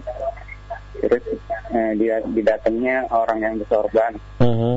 Eh, dia bilang di perutnya itu ada ular, ya. Hmm. banyak tujuh atau sembilan. Gitu. Hmm. Kemudian dia dengan metode dia seperti mengeluarkan ular itu satu persatu. Hmm. Dan efek bagi si pasien tadi, dia merasa eh, napasnya agak lega gitu. Nah, waktu dia menarik ular katanya, tapi dia goib seperti menangkap di atas perutnya gitu. Ya. Terus pertanyaannya Kemudian, mu- kemudian dia berpindah lagi ke eh, ke ke orang pintar yang lain. Ya. Eh, terus begitu juga itunya, apanya, Iya. tanggapannya. Ya, ya, ya. Eh, Di perutnya itu ada ular. Nah, bagaimana ini? Apakah dia syar'i atau tidak itu? Eh, cara-caranya yang itu perlu persyaratan tidak Pak dari yang datang tadi? Iya, betul. Tanya ya, apa itu Persyaratan persyaratan? nggak ada, persyaratan nggak ada. Iya. Dia diem aja, Mm-mm. di- buat kerja sesuai dengan keahlian dia. Mm-mm. Dan terus ya itu dikabuti seperti itu. Terus kita Dan bayar. membuat bayar, jelas bayar. Ya. Iya. Ya. Dan membuat si pasien yakin ketika dia berpindah ke orang pintar yang lain sama itunya. Ya, ya, ya, ya, ya. Baik, Pak. Terima kasih. Ya. Itu jawabannya. Ya. Assalamualaikum. Waalaikumsalam warahmatullahi wabarakatuh. Perhatikan baik-baik Bapak Ibu saudara-saudari, ada namanya dalam agama Islam itu eh, Rasulullah SAW menjelaskan namanya nusrah. Nusrah itu adalah mengobati sihir dengan sihir yang lain. Ya. Mengobati sihir dengan sihir yang lain. Disebutkan dalam hadis riwayat Imam Ahmad, Imam Abu Daud dari Jabir radhiyallahu anhu, suila Rasulullah sallallahu alaihi wasallam anin nusrah. Faqala hiya min amali syaitan. Nabi Muhammad sallallahu alaihi wasallam ditanya tentang nusrah, yaitu menghilangkan eh, sihir dengan sihir. Ya. Maka Nabi Muhammad SAW menjawab itu adalah perbuatan syaitan. Jadi gini Pak, apabila orang kena guna-guna, maka ketika diobati dengan nusrah dengan guna-guna lain, ya, yang lebih kuat. Contoh saya beri contoh ya, ada orang kesurupan, dia dimasuki oleh jin, kemudian kita datang kepada orang yang juga berhubungan dengan jin. Dia ini tidak merukyah dengan rukyah yang sesuai dengan syariat Islam. Tidak membacai, tidak menjampi-jampi sesuai dengan syariat Islam. Maka apa yang terjadi sebenarnya? Ketika si fulan ini datang merukyah ini ya sebenarnya jin yang di dalam tubuh si ini ini dia takut dengan jin yang dia datangkan di sini ya dia takut dengan jin yang dia datangkan ke sini akhirnya dia keluar tapi datang yang lain lagi mungkin merasa nyaman merasa tidak merasa tidak merasa apa namanya merasa lega dan segala macamnya Tapi justru Ya. tadi yang punya jin, jinnya masuk. Nah, itu dia. Nantinya dia akan akan merasakan sesuatu yang lain lagi. Karena jin ketika menolong manusia itu tidak majanan, tidak gratisan, pasti ada tumbal di sana, pasti ada hal-hal yang dia minta di sana. Nah, itu harus kita perhatikan. Yang kedua, harus diperhatikan juga bahwasanya pengobatan apabila tidak sesuai dengan sunnah Rasul terutama pengobatan-pengobatan yang dengan jampi-jampi yang disebut orang pengobatan alternatif ya tidak sesuai dengan sunnah Rasul maka itu berarti pengobatan mengada-ngada. Meskipun manjur. Nah jadi kemanjuran itu bukan tanda pengobatan itu benar Bukan tolak ya ukur, Ustaz, ya. bukan tolak ukur Iya. tolak ukurnya adalah apabila pengobatannya sesuai dengan Al-Quran dan Sunnah Nabi Muhammad Sallallahu Alaihi Wasallam. Apakah Rasulullah SAW pernah mengerjakan seperti itu? Contoh sekarang, sebagian orang kadang-kadang mengobati pasien dengan cara memindahkan penyakit ke kambing. Iya, iya. Apa dosanya Ada. kambing? Ya, Benar. memindahkan penyakit ke telur. Ke telur. Itu telur halal. Iya. Kambing yang asalnya adem ayam saja artinya berontak-berontak. Iya. Kasihan itu menghi, me- Iya. apa namanya? me- Memudaratkan membahayakan ya, kepada kambing. Dan itu biasanya ya ada ritual-ritual dan meminta kepada jin untuk memindahkan penyakit tersebut. Itu yang disebut dengan musyarah. Baik. Nah, seperti itu. Jadi dua hal itu perhatikan. Tidak boleh menghilangkan penyakit dengan menda- mendatangkan penyakit yang lain, yaitu dengan memakai sihir yang lain. Yang kedua, eh, pengobatan apabila dilakukan tanpa ada contohnya dari Rasulullah SAW, maka itu tetap dinyatakan pengobatan yang keliru, Ya. salah. Ya, demikian. Baik Ustaz, barakallahu fikum wa jazakallahu khairan. Terima kasih dan demikian Pak Ishak eh, pertanyaan yang sudah diberikan solusi dan jawabannya oleh Ustaz. Berikut kami undang kembali bagi Anda yang ingin menghubungi kami, silakan kami berikan kesempatan telepon yang kedua. Halo. Halo, Assalamualaikum. Waalaikumsalam warahmatullahi Assalamualaikum. Dengan Bapak siapa di mana? Basuki Pak di Samarinda. Silakan Pak Basuki, pertanyaan ditujukan ke Ustaz. Assalamualaikum Pak Ustaz. Waalaikumsalam warahmatullahi wabarakatuh. Silakan Pak Basuki. Pak Ustaz, pertanyaan saya gini Pak. Saya ini termasuk dari korban sihir ya Pak ya. Nah, yang saya tanyakan, ibu saya juga sampai wafat Pak di sihir Pak. Nah, terus saya ini kesal, marah namanya orang tua di sihir. Nah, dukunnya tuh bilang sendiri sama saya terang-terangan Pak. Iya. Saya, saya permohonan cerita kayak gini Pak. Nah terus saya malam itu Pak saking saya jengkelnya Pak. Malam itu saya saya sholat hajat. Saya minta kembalikan segala bentuk sihirnya itu sama Allah kepada dukun-dukun dukun-dukun sihir itu Pak. Iya. Nah itu hukumnya apa Pak Ustadz? Apa saya juga termasuk balik yang jalim? Apa saya takutnya malah saja nanti balik jalim kepada mereka Pak. Baik. Pak Ustaz. Baik, Bapak. Nah, ya- yang keduanya nih Pak, Mhm. saya mau anu Pak, mau nanya ibaratnya ini, apakah sihir santet yang menimpa diri saya dan orang-orang lain itu apa bisa dikatakan karma atau memang itu Baik. ujian dari Allah Pak? Ya. Terima kasih Bapak, cukup. Ya. Tunggu nasihat dan jawaban dari Ustaz. Ya, Assalamualaikum. Waalaikumsalam warahmatullahi wabarakatuh. Bismillah. Perhatikan para ikhwah, para pemirsa Roja TV dan para pendengar sekalian, eh, bahwasanya apabila ada orang yang terzalimi, kemudian dia berdoa sesuai dengan apa yang dirasakan dari kezaliman tersebut, maka itu bukan menzalimi orang lain.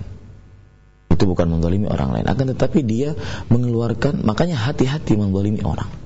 Karena da'watul mazlum la turad. Doanya orang yang terzalimi tidak ditolak. Salah da'awatin mustajabat, tiga doa yang dikabulkan oleh Allah. Salah satunya adalah da'watul mazlum, doanya orang terzalimi.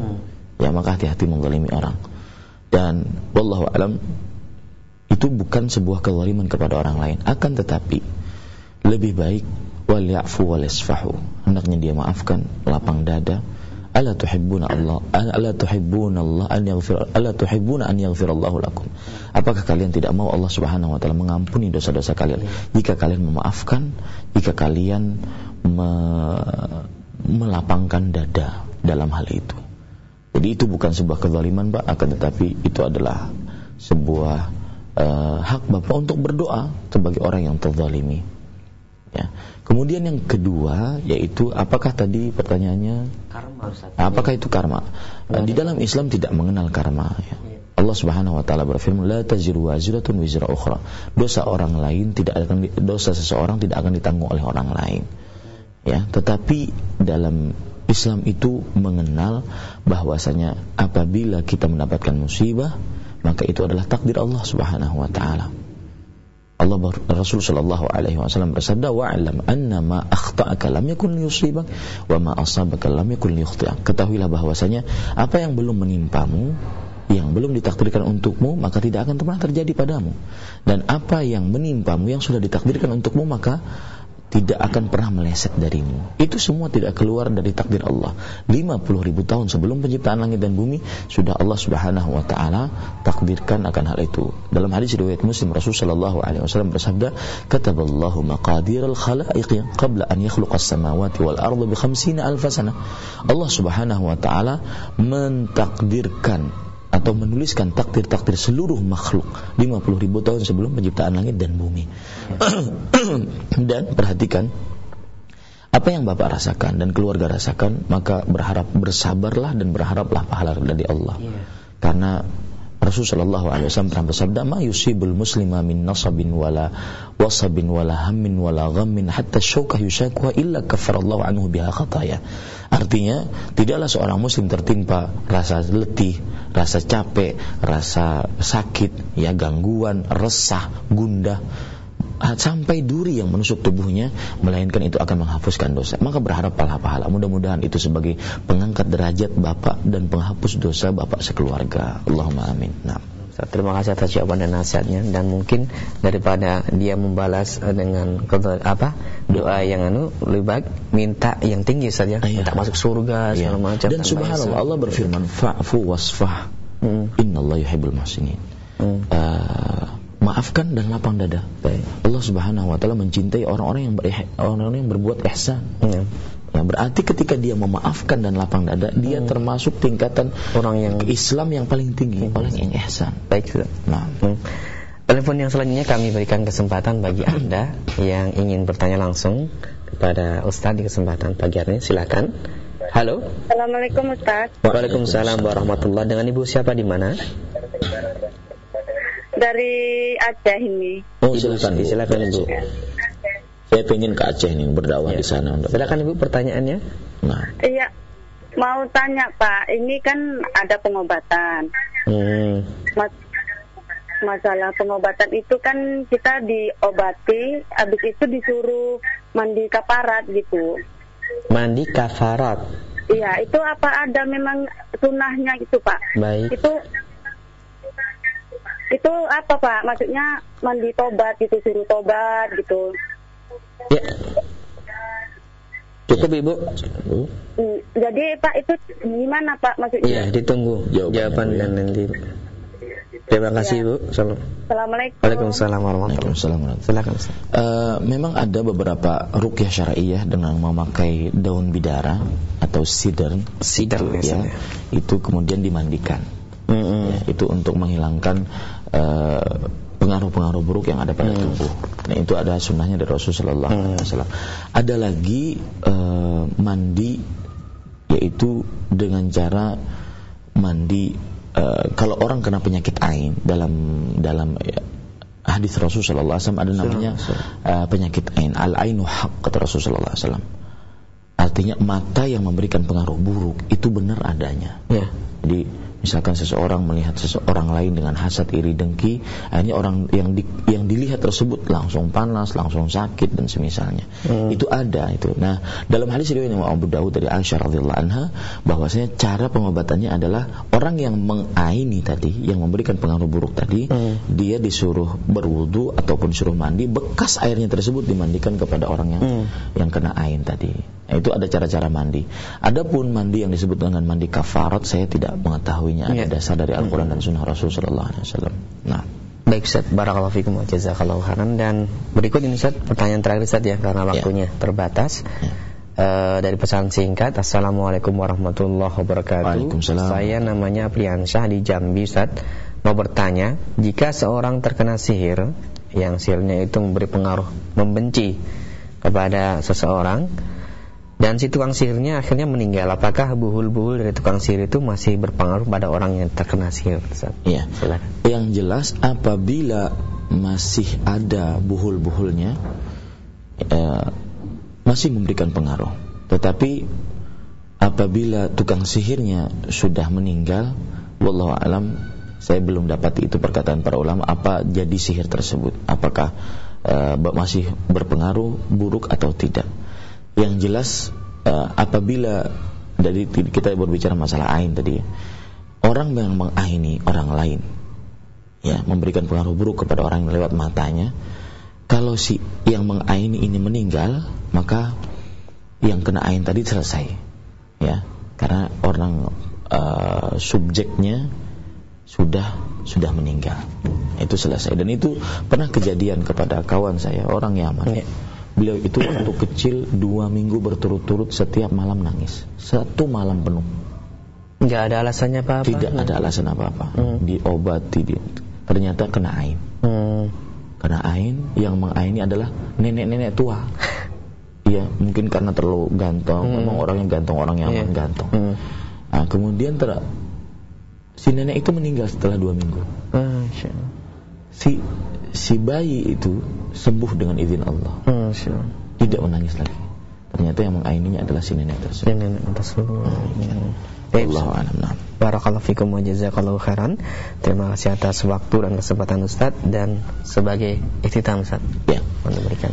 Eh, para pemirsa Raja TV dan Radio Raja yang, dimu- yang dimuliakan oleh Allah Subhanahu wa taala dan seluruh radio yang merilai kajian ini, ketahuilah bahwasanya Allah Subhanahu wa taala Maha Kuasa. Allah Subhanahu wa taala mencipta, Maha Pengatur. Jangan pernah tinggalkan Allah yang kuasa, yang pencipta, yang pengatur. Minta apa saja kepada Allah. Minta kesembuhan, rezeki, penahanan dari penyakit, apa saja untuk kebaikan di dunia kita dan di akhirat. Jangan pernah berpaling dari Allah karena siapa yang berpaling dari Allah, dia akan mendapatkan kerugian, kemalangan. Dan ini saya ambilkan dari firman Allah Subhanahu wa taala, "Innama kaidu sahir wa la yuflihu sahiru haitsu ata." Sesungguhnya itu adalah tipuan para tukang sihir. Sesungguhnya orang-orang yang penyihir tidak akan pernah beruntung bagaimanapun dia lakukan apa pun yang dia lakukan. Tetapi bersandarlah kepada Allah, bergantunglah hanya kepada Allah. Jangan pernah lakukan pengobatan-pengobatan yang belum ada contohnya dari Rasulullah SAW. Apa yang baiknya dari Allah Subhanahu wa taala mudah-mudahan ini bermanfaat. Walhamdulillahi rabbil alamin.